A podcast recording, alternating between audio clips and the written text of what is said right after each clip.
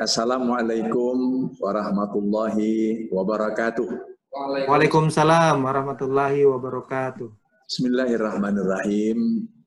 Alhamdulillahirabbil alamin. Wassalatu wassalamu ala asyrafil anbiya'i wal mursalin wa ala alihi wa ashabihi wa man tabi'ahum bi ihsanin ila yaumiddin amma ba'd. Qala Allah Ta'ala fi kitabil karim A'udzu billahi minasy syaithanir rajim. Bismillahirrahmanirrahim.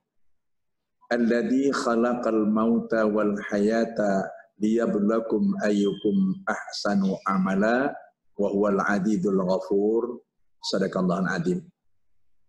Allah lah yang menjadikan makhluk yang tadinya mati kemudian dihidupkan untuk menguji siapa yang amalnya paling baik surah Al-Mulk ayat 2 firman Allah dalam Al-Quran.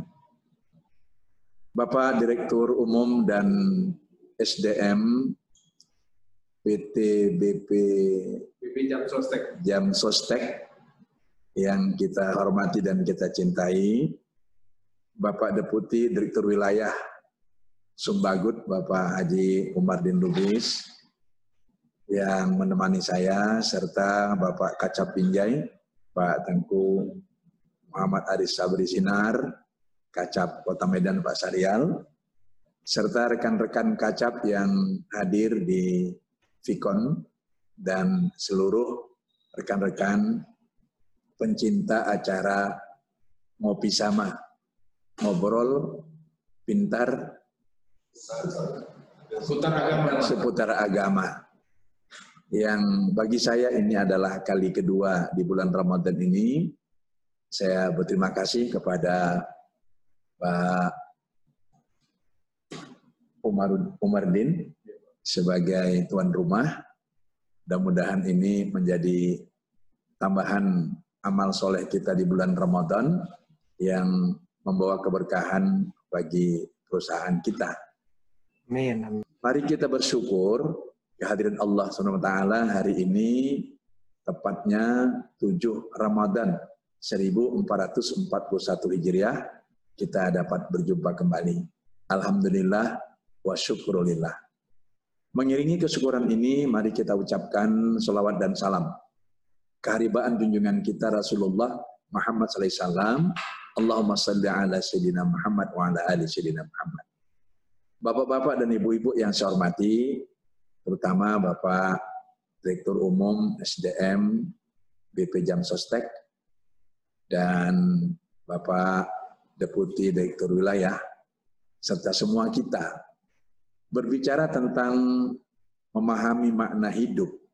Tentu kita harus berangkat dari satu, siapakah yang pemberi kehidupan itu? Allah lah yang menghidupkan semua makhluk.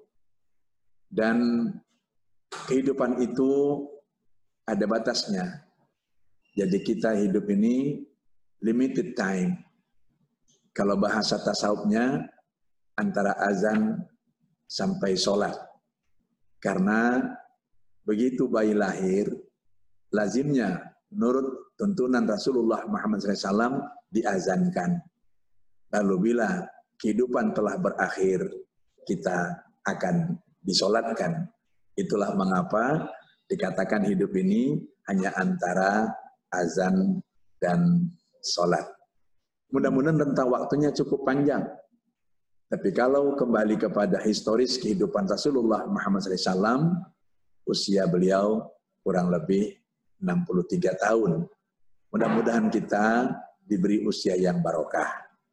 Tadi Pak Umardin mengatakan bulan 10 ya. Ya. Uh, insya Allah pensiun, tapi masih muda.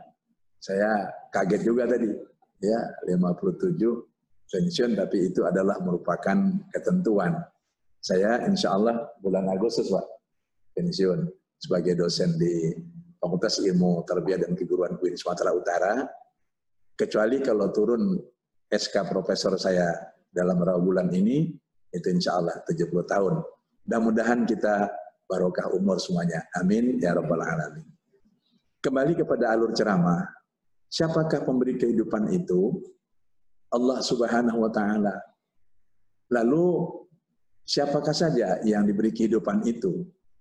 Bapak dan Ibu yang saya hormati, kita hendaknya menyadari bahwa kehidupan ini tidaklah dimonopoli oleh kita saja sebagai manusia. Dalam kajian tasawuf secara historis, sebelum Allah menciptakan makhluk manusia, Allah sudah ciptakan alam ini, terutama sebagai hamparan tempat tinggal hidup manusia yang dalam sebuah hadis Allah menyampaikan berupa hadis kudsi, laulaka laulaka ya Muhammad lama khalaqtul aflat. Kalau tidak karena engkau ya Muhammad, tidak aku ciptakan alam ini. Setelah alam diciptakan tentunya yang berasal dari nur, kemudian menjadi empat unsur utama tanah, air, api, udara, tertumbuhan, hewan, jin, adadil, banuja, malaikat, sampai kepada manusia. Kitalah makhluk yang paling mulia di antara semua makhluk itu. Bismillahirrahmanirrahim. Laqad khalaqnal insana fi ahsani taqwim. Sumaradatnahu asfala safilin illal ladina amanu wa amilus solihati falahum ajrun ghairu mamnun. Sadaqallahu nabi. Surah At-Tin ayat 4. Sungguh-sungguh kami jadikan manusia itu dalam kejadian yang terbaik atau good performance. Dan mereka akan mengalami proses degradasi secara biologi, yaitu yang tadinya kehidupan begitu indah sempurna, kulit halus mulut, mulus, rambut hitam legam, pelan-pelan dia akan mengalami sumaradatnahu asfala safilin. Mengalami degradasi sehingga tubuh menjadi rapuh, tulang menjadi tidak kuat dan akhirnya meninggal dunia. Dan kalau sudah meninggal dunia, maka fisik disebut dengan jenazah dan kembali ke asal, pulang ke tanah.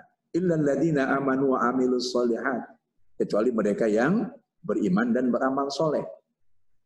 Sebagai makhluk yang paling mulia diciptakan Allah, Allah bukan tidak punya rencana untuk apa kita dihadirkan ke muka bumi ini.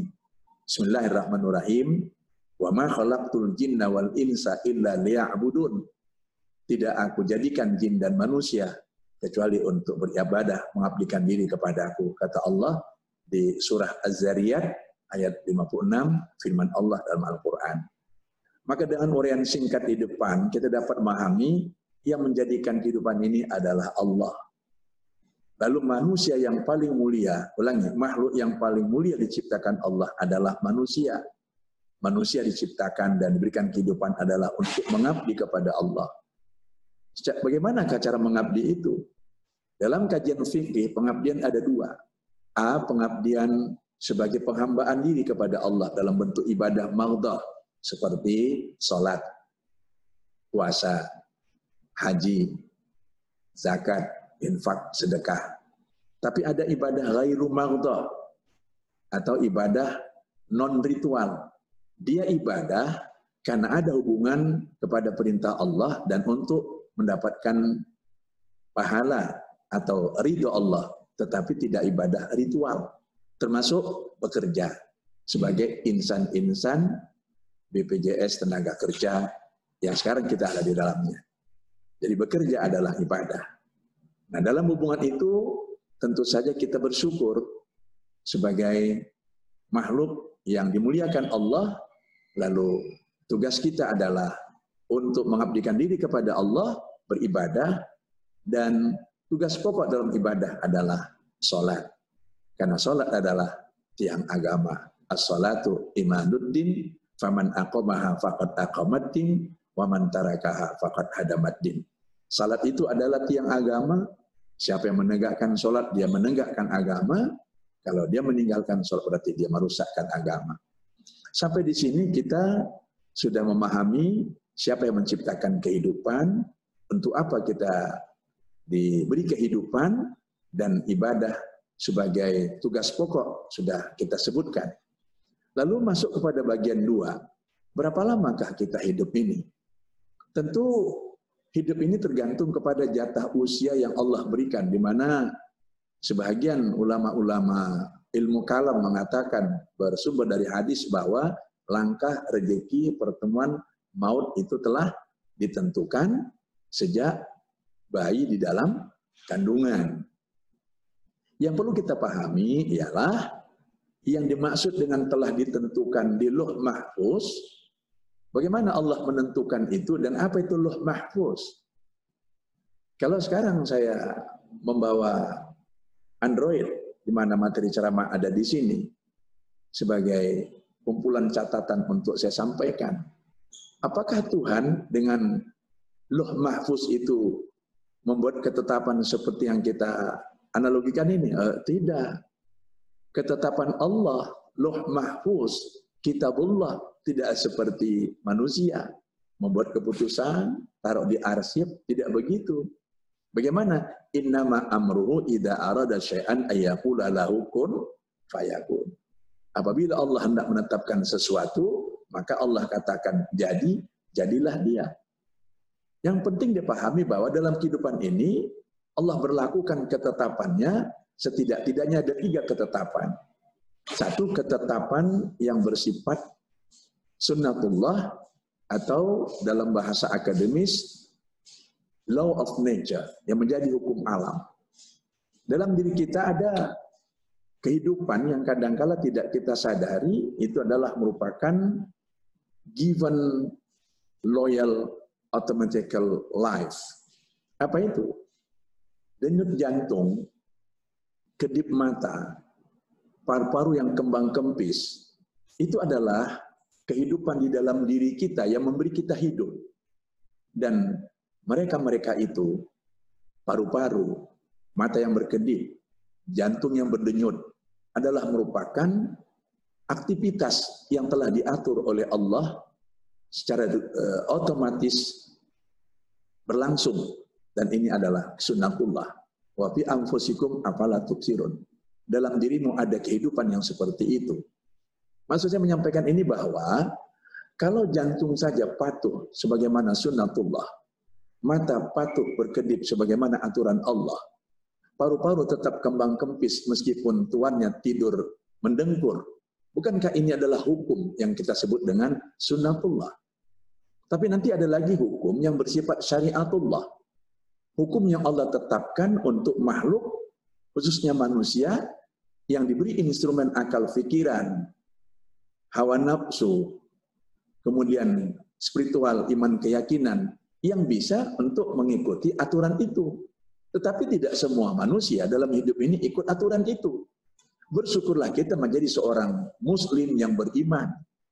Karena beriman artinya punya kepercayaan dan keyakinan, tapi Berislam artinya adalah patuh, tunduk patuh kepada aturan-aturan Allah itu. Nah dengan demikian kita bisa mengikuti aturan-aturan Allah termasuklah berpuasa yang kita sedang lakukan pada hari ini, hari yang ketujuh. Ini kita sedang mengikuti syariatullah. Ada lagi yang ketiga, kudratullah. Allah berkehendak atas iradatnya kalau Allah berkehendak tidak ada yang bisa menolak kehendak dan hukum Allah itu. Ini yang sering disebut dengan kudratullah atau qadarullah. Bisa saja hukum alam berubah karena kudratullah. Api yang membakar tapi tidak demikian hanya kepada Nabi Ibrahim ketika dibakar di api unggun oleh Raja Namrud. Air lunak yang menenggelamkan tapi tidak berlaku itu kepada Nabi Musa alaihissalam ketika menyeberang Laut Merah. Ini adalah kudratullah. Nah, dalam hubungan ceramah hari ini, di mana kita sedang berpuasa dalam pandemi COVID-19, kita bermohon ada kudratullah yang akan terjadi dengan datangnya Ramadan, virus corona ini segera pergi atau dihapuskan Allah sehingga kita hidup normal dan aman kembali. Amin ya rabbal alamin. Yang ketiga, bagaimana kita memaknai kehidupan ini? bahwa hidup ini dari Allah dan akan kembali kepada Allah. Maka lazim kita menyebut ayat ini, tapi kalau ayat ini saya sebut, Pak Deputi nanti orang nanya, siapa yang meninggal katanya. Apa itu? inna lillahi wa inna ilaihi roji'un. Sesungguhnya kita dari Allah dan kita akan kembali kepada Allah. Sesuai dengan makna ayat itu, Bapak dan Ibu, kalau kayak boleh analogikan kita sekarang ini pada posisi dari Allah akan kembali kepada Allah. Kalau dipindahkan ke dalam bahasa from and go to, kita ini pada posisi from atau to. Halo? Kita sekarang pada posisi datang dari Allah atau sudah posisi pada posisi mau pulang kepada Allah? Tuh. Nah, itu kan saya katakan tadi, Rasulullah SAW usianya 63 tahun ya. Jadi kalau kita sekarang ini sudah berada pada usia 40 ke atas, itu kalau perjalanan coming and going, come uh, from and to, sekarang posisinya sudah mau ke sana. Tapi tidak usah ke sini oleh karena itu. Ya. Nah, kita datang dari Allah dan akan kembali kepada Allah. Sehingga dalam konteks inilah saya ingin menyampaikan bahwa makna hidup itu menurut analoginya setidak-tidaknya saya buat catatan di sini Pak Dirum ada lima. Lima atau enam ya enam ya. Pertama maaf ini ini pakai bahasa Medan ini. Kehidupan di dunia ini pada bab tiga saya ceramah ini adalah seperti anak kos. Anak kos yang kita mesti bayar kalau tidak bayar ya tentu ibu kosnya akan marah ya, ngusir. Tapi Allah tidak begitu. Kita seperti orang kos di muka bumi Allah ini, mestinya kita mengabdi kepada Allah sebagai hambanya yang diciptakan untuk beribadah, kata saya tadi, meskipun ada orang yang tidak beribadah, tidak sholat, tapi kan tidak diusir Pak ya. Nah, itulah kasih sayang Allah. Wah, eh, deputi ya. Ada yang tidak sholat, ada yang tidak puasa, tapi malah hari raya duluan ya Pak. Ya kenapa nggak duluan? Dia sudah makan minum dulu. Ini ini hanya analogi yang untuk uh, diperbandingkan oh seperti anak kos. Mana yang cocok nanti kita ambil ya.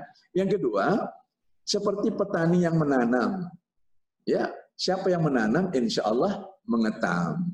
Kalau dia menanam padi, bersama itu akan tumbuh genjer, kangkung, dan bahkan mungkin kalau kami di kampung dulu Pak, kita nanam padi di sawah, nanti tidak pun ditanam ikan akan ada itu ikan sepat, ikan uh, ikan badu segala macam. Dulu seperti itu.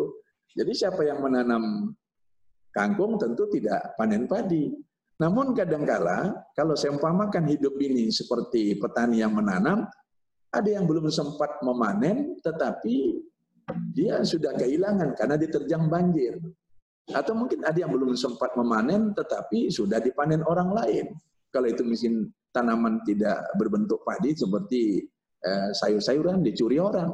Namun kajiannya ialah siapa yang pernah menanam maka bumi menjadi saksi dia pernah beramal soleh dan Allah tahu dia pernah melakukan kebaikan.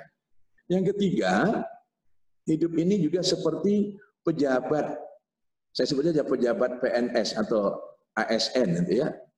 Kenapa? Dapat fasilitas, dapat semua semuanya, tapi kalau udah sampai waktunya pensiun, semua fasilitas harus dicabut, dicabut, dilepas, ditinggalkan gitu. Nah, begitu juga kalau Allah cabut roh ini dari eh, raga kita, ya semua ditinggalkan, ya harta ditinggalkan, anak ditinggalkan, istri ditinggalkan, ya. Yang susah kan kalau istri ditinggalkan masih muda, cantik pula, banyak pula hartanya, tentu dia akan tentu akan mudah mengurusin anak-anaknya. Itu maksudnya. Apalagi kalau yang ditinggal itu suami kan. Nah, suami ditinggal, meninggal oleh istrinya, suaminya ganteng, ya uang banyak, alhamdulillah insya Allah dia bisa bisa mengurusin anaknya. Tapi kalau sekedar mengantar anak ke sekolah, mungkin bisa memandikan anak segala macam, tidak bisa Pak. Nah di situ nanti dia perlu bantuan orang lain. ya ketimbang bolak-balik datang pulang pergi. Bantunya baru bagus tinggal di rumah itu. Lalu dia menikah lagi. Ya mudah-mudahan nasib kita tidak seperti itu kan itu namanya duda Pak. Ya. yang keempat hidup ini seperti musafir yang sedang dalam perjalanan. Tiba-tiba ada tempat berteduh dan fasilitas namun dia harus melanjutkan perjalanan itu untuk mencapai tujuan. Maka dia tidak boleh berhenti selamanya di situ karena harus dilanjutkan perjalanan ini jadi seperti musafir itu adalah lintas, tidak mesti berada di tempat itu selamanya dan tidak perlu membangun dinasti sehingga ketika ditinggalkan nanti kita harus mempertanggungjawabkan segala yang kita bangun itu. Yang diajarkan ialah membangun kebaikan-kebaikan. Hairun nasu amfa'hum linnas. Manusia yang baik itu ialah yang memberi manfaat kepada orang lain. BPJS tenaga kerja memberi manfaat kepada teman-teman kita. Ya, saya sebagai penceramah tetap yang bertahun-tahun memberikan ceramah di sini, saya katakan kita ini di samping mengurusi tenaga kerja, yang kerja itu mengurusi keluarganya. Maka kalau kita mengurus mereka-mereka uh, yang bekerja dengan uh, apa namanya Pak itu kalau mereka mendapatkan primi, primi ya. Manfaat. Uh, manfaat itu ketika mereka uh, pensiun, sebagainya. Itu artinya kan mereka kita didik untuk menabung, menyisikan rezekinya. Gitu ya. Itu maksudnya kan? Mereka rezekinya. Tapi produk kita juga sudah banyak mengembang dengan berbagai bentuk. Ini adalah kegiatan yang multi menurut saya. Kita mengurusi tenaga kerja, dan yang kerja itu mengurusi keluarganya, dan keluarganya insya Allah dapat melakukan sesuatu sebagaimana tugas e, sebagai hamba Allah untuk beribadah, melaksanakan kegiatan-kegiatan pendidikan dan sebagainya. Berbahagialah kita, bersyukurlah kita sebagai insan-insan yang bekerja di BPJS ketenaga kerjaan ini. Itu yang kelima, hidup. Yang keempat tadi ya. Yang kelima, hidup ini seperti mimpi. Hidup ini seperti mimpi. Kenapa seperti mimpi? Mimpi itu tidaklah realita, tetapi memang dapat dirasakan. Mimpi akan habis ketika kita sadar dari tidur. Maka janganlah larut dalam mimpi. Karena satu ketiga kita akan bangun dari tidur dan mimpi akan hilang. Nah, kebanyakan kita lupa bahwa hidup ini akan berakhir sebagaimana tidur itu akan berakhir kalau kita sudah terjaga. Nah, apabila kita paham bahwa hidup ini seperti mimpi yang tidak akan dapat kita kembali lagi ke alam itu, ayolah kita sadari bahwa kita akan meninggalkan alam dunia ini dan tidak mungkin kembali lagi ke dunia ini. Sebagaimana bayi yang lahir tidak mungkin kembali ke dalam kandungan perut ibunya. Tanamlah jasa kebaikan. Meskipun kita tidak kembali ke alam dunia ini, tapi apa yang kita tanam di alam dunia ini akan mengalir kepada kita sebagai amal jari jariah. Maka itu dalam Al-Quran ada tiga tipologi manusia makna hidup. Pertama, mereka yang menjadikan hidup ini lahan untuk berbuat yang terbaik, yaitu ahsanu amala. Yang kedua, hidup ini tempat kita senantiasa tampil yang sebaik-baiknya sehingga menyenangkan orang. Kapan pun, di mana pun kita, apa pun pekerjaan kita, kita selalu memberikan kesenangan kepada orang lain. Ahsani takwim. Yang ketiga, mampu memberikan yang terbaik dari segi ucapan-ucapan yang dapat mengembirakan orang, yaitu ahsana qaula surah Al-Fusilat ayat 33. Terakhir, analogi kehidupan kalau kita ingin memberi makna yang keenam adalah hidup ini seperti panggung sandiwara. Tidak ada yang sesungguhnya. Kalau di sini kita, maaf, jenderal, di akhirat mudah-mudahan jenderal. Kalau dia beriman, bertakwa kepada Allah. Tapi yang susah, kita di dunia ini kaya, namun nanti di akhirat tidak kaya, miskin. Karena harta kita tinggalkan semua di dunia ini. Sebagai warisan kepada keluarga, keluarga tidak tahu ilmu fikih mawaris, begitu orang tuanya meninggal, anaknya berkelahi, pergi ke pengadilan, masing-masing pakai pengacara, maka pengacara dapat uang duluan, akhirnya perkara selesai, harta warisan pun habis. Oleh karenanya, marilah kita jadikan hidup ini bukan panggung sandiwara saja, tetapi adalah bagaimana hidup ini tempat kita menanam. Kita paham memang cerita akan berakhir karena skenario perjalanan hidup sudah diatur Allah, tapi kita diberikan kebebasan untuk berakting, melakukan amal soleh. Sekarang kita sudah punya jalur cerita sebagai insan BPJS tenaga kerjaan, jadikanlah pekerjaan ini ibadah dengan mengharap ridha Allah, dengan membuat pekerjaan yang terbaik, sebagaimana saya katakan kemarin, bekerja yang the best, the first, the largest, the widest, and the highest. Terima kasih. Wassalamualaikum warahmatullahi wabarakatuh. Waalaikumsalam warahmatullahi wabarakatuh. Terima kasih Ustaz. Ya. Uh, selanjutnya Bapak Ibu yang ingin bertanya, kami persilahkan. Ya. Kalau belum ada, saya dulu Ustaz. Iya, silakan. Silakan. Ini Silakan. dari Bang Aris. Dari Pak Tengku. Assalamualaikum warahmatullahi wabarakatuh. Waalaikumsalam. Ya. Buya yang kami muliakan. Ya. Eh, kami mau ada pertanyaan. Ya. Ini terkait dengan eh, tadi kajian kita kan kajian tasawuf. Ustaz. Jadi terkait dengan kajian tasawuf ini, bagaimana eh, eh, dari pendekatannya eh, atau kaitannya, Ustaz? Ya. Ya, kita pengenalan diri. Ya.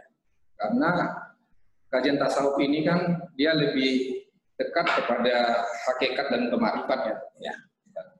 Jadi eh, yang mau kami tanyakan Ustaz, kita ini kan eh, sekarang ini kan di kehidupan syariat. Jadi mana bagaimana Ustaz eh, kalau kita ini kan hubungkan dengan bagaimana kita melakukan ibadah kalau kita belum kenal kita sama diri kita sendiri. Ya. Jadi itu aja Ustaz. Makasih Ustaz. Terima kasih. Bapak dan Ibu yang berbahagia, Pak Tengku Aris yang saya sayangi. Tadi sudah saya mulai sedikit tadi, kalau Bapak Ibu menyimak tadi bahwa begini, saya mulai dari gini ya. Sebelum alam ini ada, Allah sudah ada dan tetap ada, selamanya ada. Lalu apa yang pertama Allah adakan? Nur. Nur Muhammad. Lalu Allah ciptakan dari nur itu berbagai macam jenis makhluk. Tadi sudah saya sebut, dimulai dari tanah, air, api, udara, kemudian tumbuhan, hewan, jin, ya, ajazil, banuda, malaikat, akhirnya yang paling belakangan tetapi the last but the best adalah manusia. Nah, Pak Tengku Aris menanyakan, bagaimana kita bisa memaknai hidup ini beribadah kepada Allah kalau kita tidak kenal diri kita? Apa yang perlu kita kenal? Satu, dari apa kita diciptakan? Yang kedua, untuk apa kita diciptakan?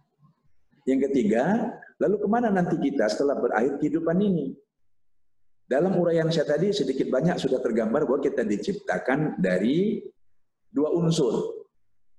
Roh adalah ciptaan Allah yang kita tidak diberitahu dari apa, tetapi Allah menyindir di dalam surah Al-Isra, Bismillahirrahmanirrahim, maaf ayat 84, wa yas'alunaka 'anir ruh qulir ruhu min amri rabbi wa ma utitum minal ilm minal ilmi illa qalila.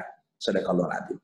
Surah Al-Isra. Kalau ayatnya nomornya saya agak keliru tolong dicek mungkin sekitar 82 atau 80 ya. Nah, nanti akan ada orang yang bertanya kepada Muhammad tentang ruh, apa itu ruh? Katakan ruh itu adalah urusan Allah. Tidak Allah berikan ilmu tentang ruh kecuali sedikit. Berarti ilmu tentang ruh itu ada Allah berikan, tetapi porsinya sedikit, dan orang yang mempelajari ilmu tentang ruh juga ada, tetapi populasinya tidak banyak. Itulah guru-guru yang mempelajari ilmu hakikat. Lalu yang kedua, Allah menciptakan manusia dari unsur jasmania berasal dari tanah. Ya, tanah tentu tidak hanya tanah, tetapi dalam bahasa Jawa sedulur papat pancar limo. Yang empat itu adalah tanah, air, api, udara. Yang kelima adalah ruh tadi itu. Nah, Allah ciptakan ini untuk apa? Untuk mengabdi kepada Allah. Mengabdi itu apa? Mengabdi ini adalah tanda syukur kepada Allah sebagai penghambaan diri dan satu ketika akan dipertanyakan apa-apa yang menjadi kewajiban kita dalam hidup ini. Sumalatus aluna yauma idin anin aninaim. Maka untuk bisa menyadari kita ini diciptakan untuk apa, memang harus belajar ilmu tauhid, ilmu fikih, dan ilmu tasawuf. Nanti disebutlah itu dalam yang kajian kita kemarin, syariat, tarikat, hakikat, dan ma'rifat. Itu peristilahan yang kadang-kadang secara term kebahasaan bisa berbeda-beda definisinya. Tapi intinya ialah tidak akan ada hakikat kalau tidak ada syariat. Tidak akan ada uh, tarikat kalau tidak ada syariat. Jadi syariat itu aturannya, tarikat itu cara mengerjakannya, hakikat itu adalah rasanya, makrifat itu adalah tujuannya. Kalau tadi kita contohkan bahwa bagaimana kita bisa menghayati ibadah sholat kalau kita tidak merasakan kita sholat itu menyembah Allah. Jadi kembali kepada rasa. Memenuhi rukun syarat sholat itu adalah syariat. Ketika kita mengerjakan sedemikian rupa, mulai dari kita berdiri, kemudian berniat, takbir, itu adalah tarikahnya. Tapi rasa dalam sholat itu ketika kita menghadap yang kita hadapi adalah Allah, itu adalah ma'rifatnya. Lalu kenikmatan pada mengerjakan sholat itu adalah hakikatnya. Di mana itu? Pada roh. Roh. Roh kenal kepada Allah. Tetapi kadang-kadang terhandicap dengan tubuh yang juga punya kemauan-kemauan. Seperti misalnya ketika bangun malam hari, ketika kita mau sholat tahajud, rasa kantuk masih ada kan? Tapi sebenarnya roh yang sudah menanti pertemuan dengan Allah itu ingin sekali tubuh ini ikut sujud bersimpu di hadapan Allah. Terjadilah nanti tarik menarik antara roh dengan tubuh.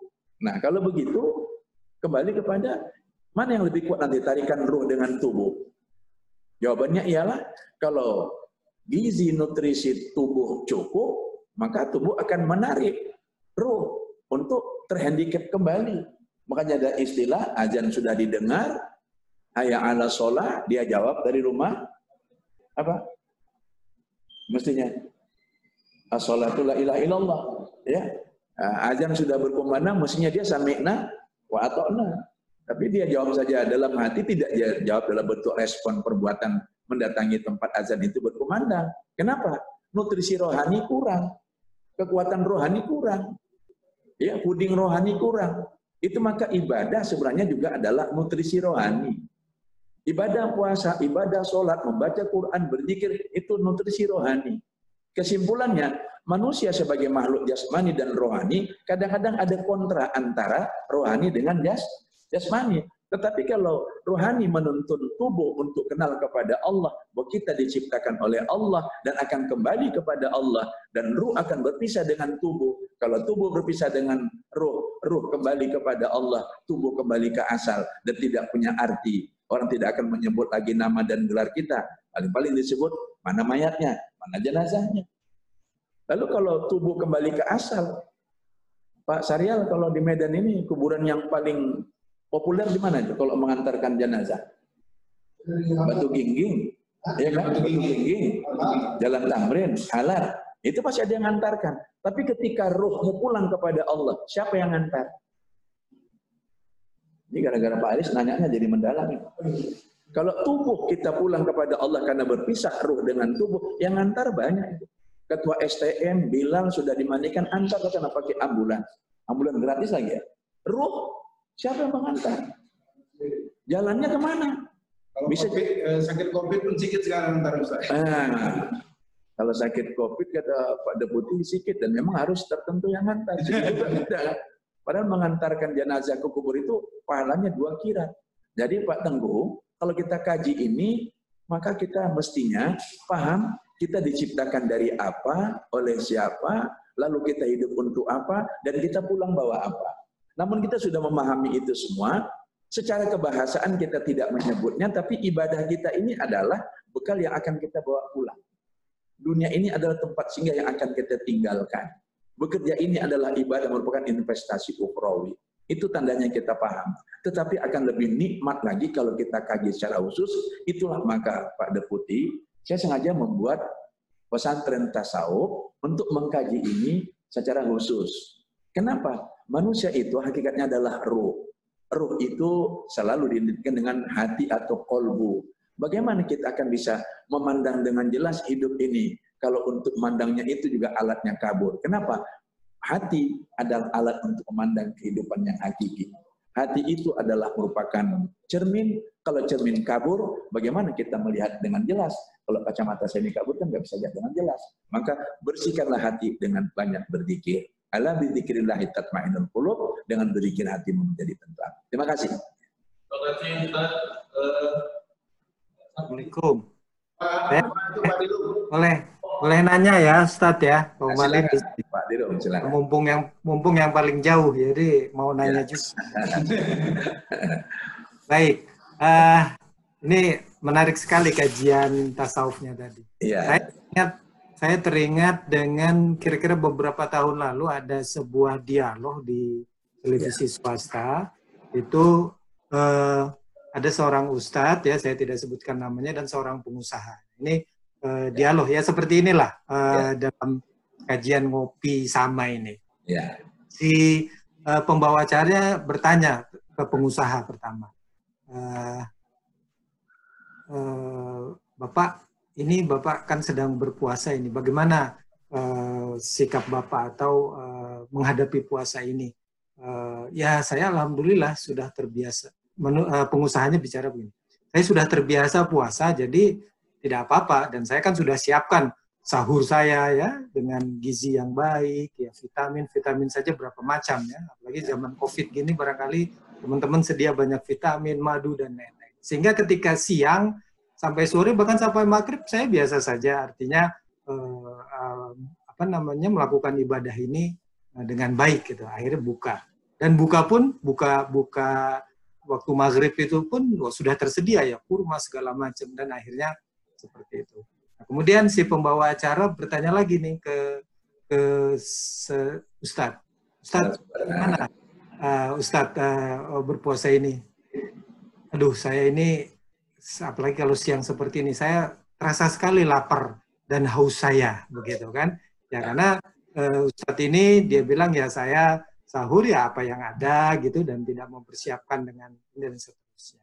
Nah kemudian uh, diulas itu kajian itu ternyata memang tadi dari mulai hakikat uh, maaf dari syariat ya kemudian hakikat dan makrifat sesungguhnya sebenarnya ya puasa kita ini kita harus bisa menurut kajian itu ya merasakan lapar dan hausnya begitu Kiai. Nah, saya ingin uh, ini Kiai ini karena hakikatnya kan sebenarnya kita ingin menjadi orang yang bertakwa.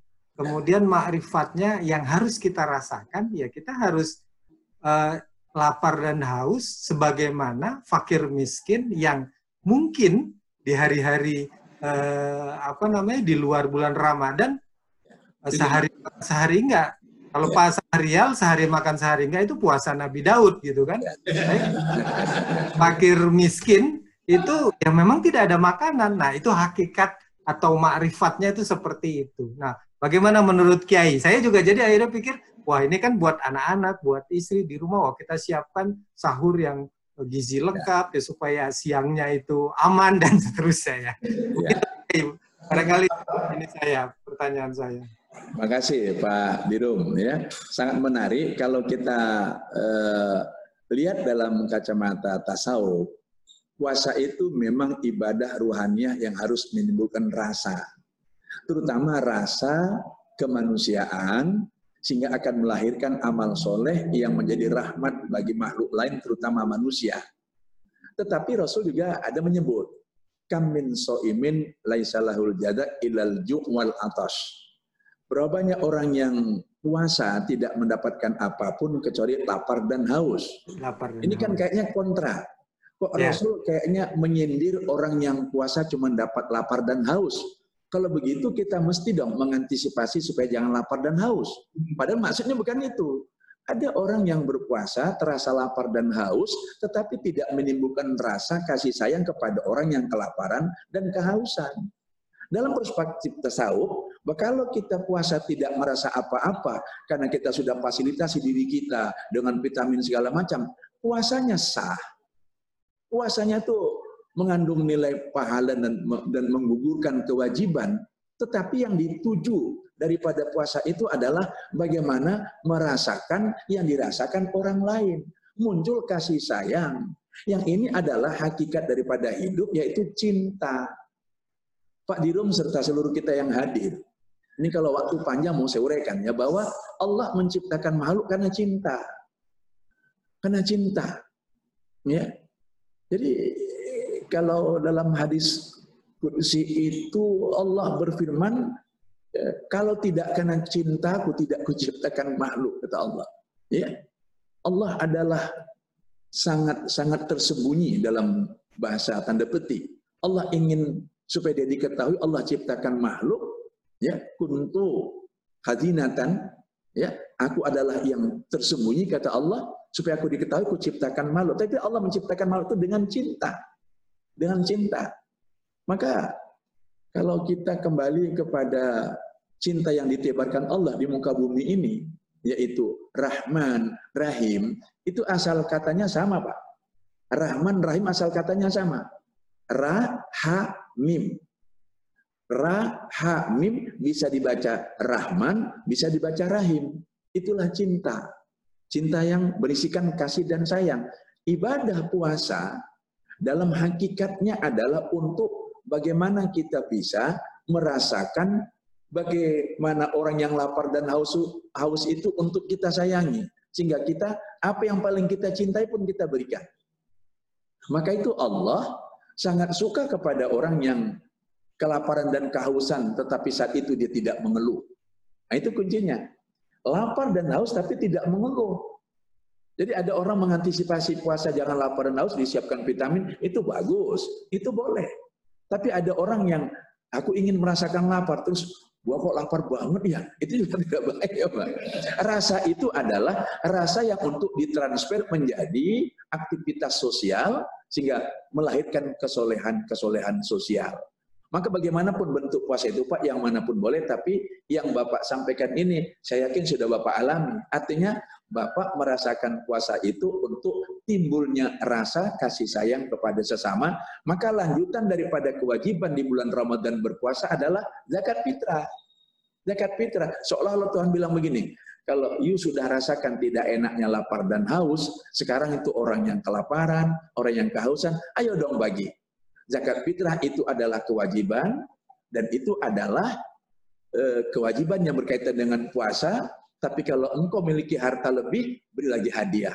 Maka dalam konteks ini saya ingin sampaikan kepada kita semua, orang yang berpuasa lalu bayar zakat fitrah itu artinya dia sudah paham puasa untuk merasakan bagaimana tidak enaknya lapar dan haus. Tetapi kalau dia punya harta lebih, janganlah zakat fitrah saja. Zakat fitrah kan cuma 2,7 kg beras. Janganlah zakat harta saja, berikanlah hadiah, berikanlah nanti sesuatu yang berupa gift atau eh, apa namanya, dulu THR ya. Sekarang nggak boleh kan? Nah, hadiah-hadiah apa namanya? Parcel, parcel ya. Nah, parcel itu berikan. Kenapa? Kalau kita menyantuni orang sebatas kewajiban saja, 2 kilo 7 2,7 kilogram beras, zakat 2,5 persen, berapalah itu? Sedangkan harta kita banyak. Maka saya anjurkan kepada teman-teman yang menjadi panitia amil buat empat kota. Apa? Kota zakat mal, kota atau penerimaan panitia zakat fitrah, lalu satu lagi fidyah, satu lagi hadiah. Di berapa masjid Pak di Medan seberita begitu? Saya tanya panitia, Pak mana yang lebih banyak uh, volume atau uh, jumlah nominalnya?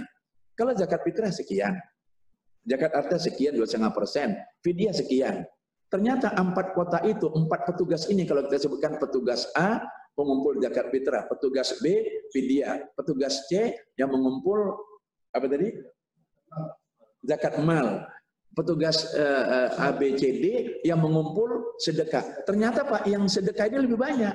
Kenapa? Ada orang yang bayar zakat fitrah 2,7 kg beras, atau mungkin diuangkan jadi 50 ribu, satu keluarga lima orang 250 ribu. Dia nanya, kotak sedekahnya mana? Ini, saya sedekah 5 juta boleh? Oh, boleh. Boleh. Ini akan lebih banyak jumlahnya. Nah kalau kita bisa merasakan puasa itu adalah sesuatu yang menggugah nurani dan jasmani kita, lalu lahir sifat sosial, inilah yang diharapkan daripada ibadah puasa itu Pak. Terima kasih Pak. Terima kasih Pak Kiai, terima kasih. Terima kasih, Alhamdulillah. Masih ada waktu? Silakan. Satu lagi, masih ada? Ya, silakan. Boleh Bu ya, satu lagi Bu ya. Boleh, silakan, silakan. Ya, terima kasih Bu ya. ya. Assalamualaikum warahmatullahi wabarakatuh. Waalaikumsalam warahmatullahi wabarakatuh. Ya. Saya dengan Jenny Bu ya dari Langkat. Dari Langkat ya, Pak Jenny. Uh, nanya perihal tadi uh, ada yang sudah disampaikan uh, yang sudah tertulis di Lauhul Mahfuz. Ya yang Buya sampaikan tadi seperti uh, langkah rezeki, hmm. dan juga azal itu sudah ditentukan uh, uh, Buya. Kemudian dalam ayat lain ada disebutkan uh, innallahu la yughayyiru ma biqaumin hatta yughayyiru ma bi anfusihim. Ya. ya.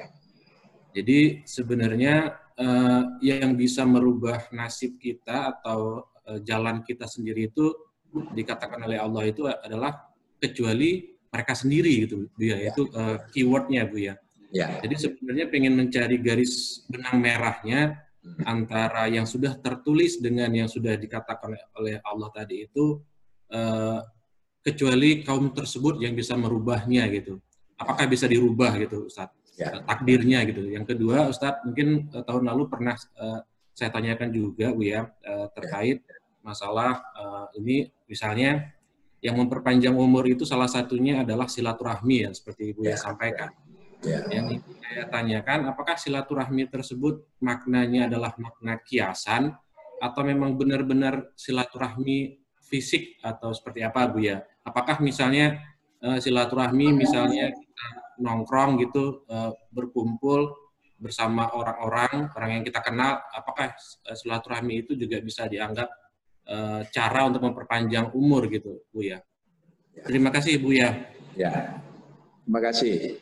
Eh, Bapak dan Ibu yang kami hormati, Pak Dirum, Pak Deputi, serta kita semua, berbicara tentang bagaimana kita memaknai takdir Allah tadi, langkah rezeki pertemuan maut yang sudah ditentukan.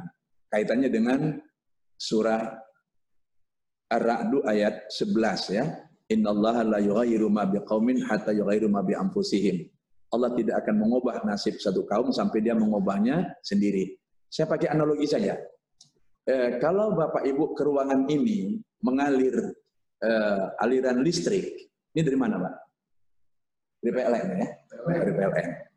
Bisanya aliran itu berubah menjadi ruangan ini nyaman, dingin karena air condition, lalu ini eh, apa namanya ini cahaya menjadi indah, lalu peralatan elektronik ini hidup kita bisa ngomong jarak jauh, ini yang ngolah siapa?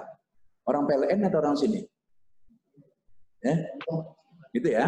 Jadi kalau Allah Taala itu memberikan ketentuan-ketentuan kehidupan, lalu yang mengubah kehidupan itu dalam arti supaya kita bisa menjadi pintar harus belajar, bisa mendapat rezeki harus bekerja, itu domainnya siapa?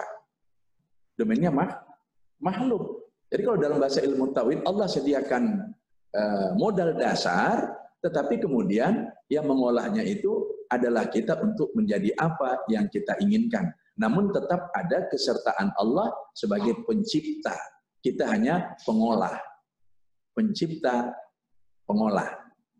Kalau masih Mas Samad begini, ketika seorang pembantu mensetrika pakaian, lalu dia asik melihat sinetron, terbakarlah pakaian yang disetrika tadi karena dia lengah. Ini yang salah, gosokan yang dipakai untuk setrika, sinetron, tukang gosok itu sendiri pembantu Boijem itu, atau PLN? Tukang. Orangnya kan? Iya. Tukangnya kan? Begitu juga kehidupan ini. Allah sudah berikan fasilitas kepada kita, baik itu waktu, kesempatan hidup, lalu itulah yang kita gunakan. Itulah yang kita olah, itulah yang kita usahakan. Itu hubungan ayat 11 surah Ar-Ra'du dengan Allah menetapkan langkah rezeki pertemuan maut di dalam uh, alam kandungan. Tapi tadi saya katakan, ketetapan Allah itu kita kan tidak tahu. Dan Allah menetapkan itu, Bapak Ibu, bukan seperti manusia bikin ketetapan, dibuat terus nanti kalau nggak cocok dirubah, bukan begitu. Tapi at the time going, jadi Tuhan itu aktif. Tuhan tidak ngantuk, tidak tidur. Bahkan dalam ilmu bahasa, innama amru idza arada syai'an ayyakula lahu kun fayakun. Kun itu adalah fi'il amar, itu interrogative sentence, kalimat perintah. Fayakun adalah proses kejadian. Yang di situ adalah future tense atau continuous, going on. Maka sering saya bilang begini, kalau Allah berkehendak, jadi jadilah. Itu kunnya Allah. Sekarang kita analogikan. Kalau kunnya manusia, misalnya saat ini, Presiden Pak Jokowi berkehendak mengundang saya ke Jakarta. Bisa jadi hari ini saya ke Jakarta. Bisa Pak? Enggak, kalau Pak Jokowi yang bilang, dia bilang itu bilang Pak Dirum sama Deputi Sumbagut bawa itu suruh ceramah ke, MS ke Jakarta, suruh Auri bawa pesawat bisa Pak? Berangkat Pak, berangkat. Berangkat Pak ya? Berangkat. Tapi kalau yang bilang itu saya, saya mau ke Jakarta tuh, bisa seketika? Bisa Pak? Bisa tapi pakai proses nantilah kalau udah habis COVID-19 ini. Iya. Maka kunnya manusia dengan kunnya Allah berbeda. Maka kembali kepada awal cara saya tadi, kalau Allah berkehendak tidak ada yang bisa menghalangi. Tapi kalau kita berkehendak, ikutilah aturan Allah, baik itu sunnatullah, hukum alam, maupun hukum-hukum yang Allah tetapkan. Kalau mau pintar, belajar. Kalau mau dapat rezeki, harus bekerja. Seperti itu.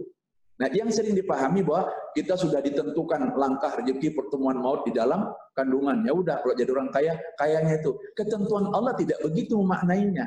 Ketentuan Allah itu aktif ya. Dia aktif bersama dengan usaha kita. Maka banyak sekali ayat Quran yang menggunakan kata-kata kami. Contohnya laqad khalaqnal insana fi ahsani takwim. Khalaqna kami. Kan di sana ada proses manusia itu lahir ke dunia ini lewat kandungan ibunya. Tetapi ketika Allah mengatakan wa ma khalaqtul jinna wal insa illa liya'budun, tidak kujadikan manusia kecuali untuk beribadah menyembah aku karena ibadah itu untuk Allah. Allah tidak pakai wa ma khalaqnal jinna wa ma khalaqtul jinna. Jadi harus kita pahami domain kita sebagai makhluk, kita mesti berusaha mengolah apa yang telah Allah ciptakan, lalu Allah menetapkan tapi ketentuan Allah itu rahasia Allah. Tidak ada yang tahu ketentuan Allah kecuali Allah kecuali orang yang diberitahu Allah tentang ketentuannya itu.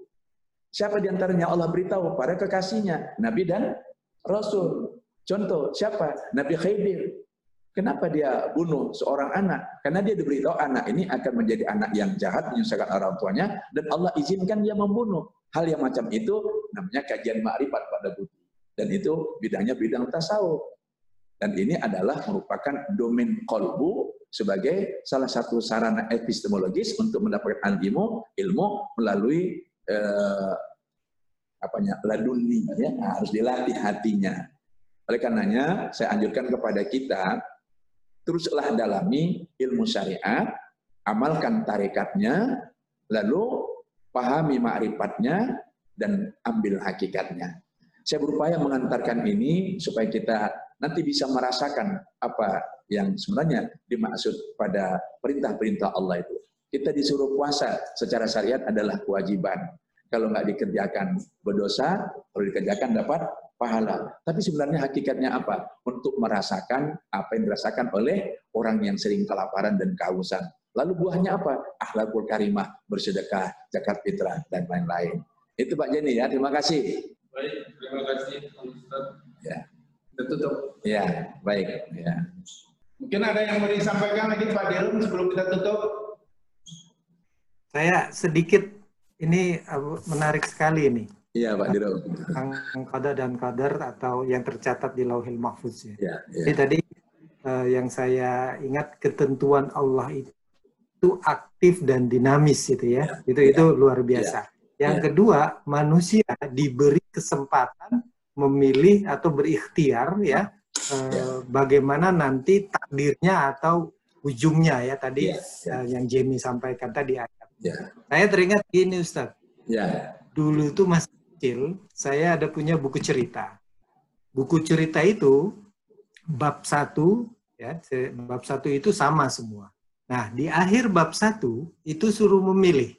Yeah. Kalau uh, kamu ingin ke sini, langsung masuk bab dua kalau kamu ke sini, masuk bab tiga. Kalau kamu yang ini, dipilih tiga pilih, kamu ke sini. Kita buka bab itu. Ketika buka misalnya yang milih bab empat, kita misalnya gagal. gitu kan. Kita milih bab dua, lanjut lagi. Nah barangkali mungkin ininya seperti itu. Manusia diberi kesempatan untuk tadi mengubah nasibnya dengan ikhtiarnya.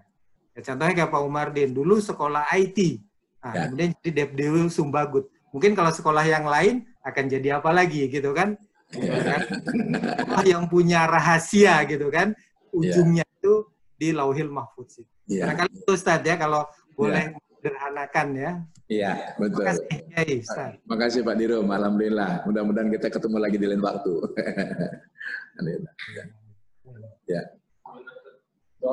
Baik, Bapak dan Ibu, terutama Pak Dirum yang kami cintai dan kami banggakan, Pak Deputi serta kawan-kawan para kacap. Di penghujung pertemuan ini, mari kita berdoa bersama.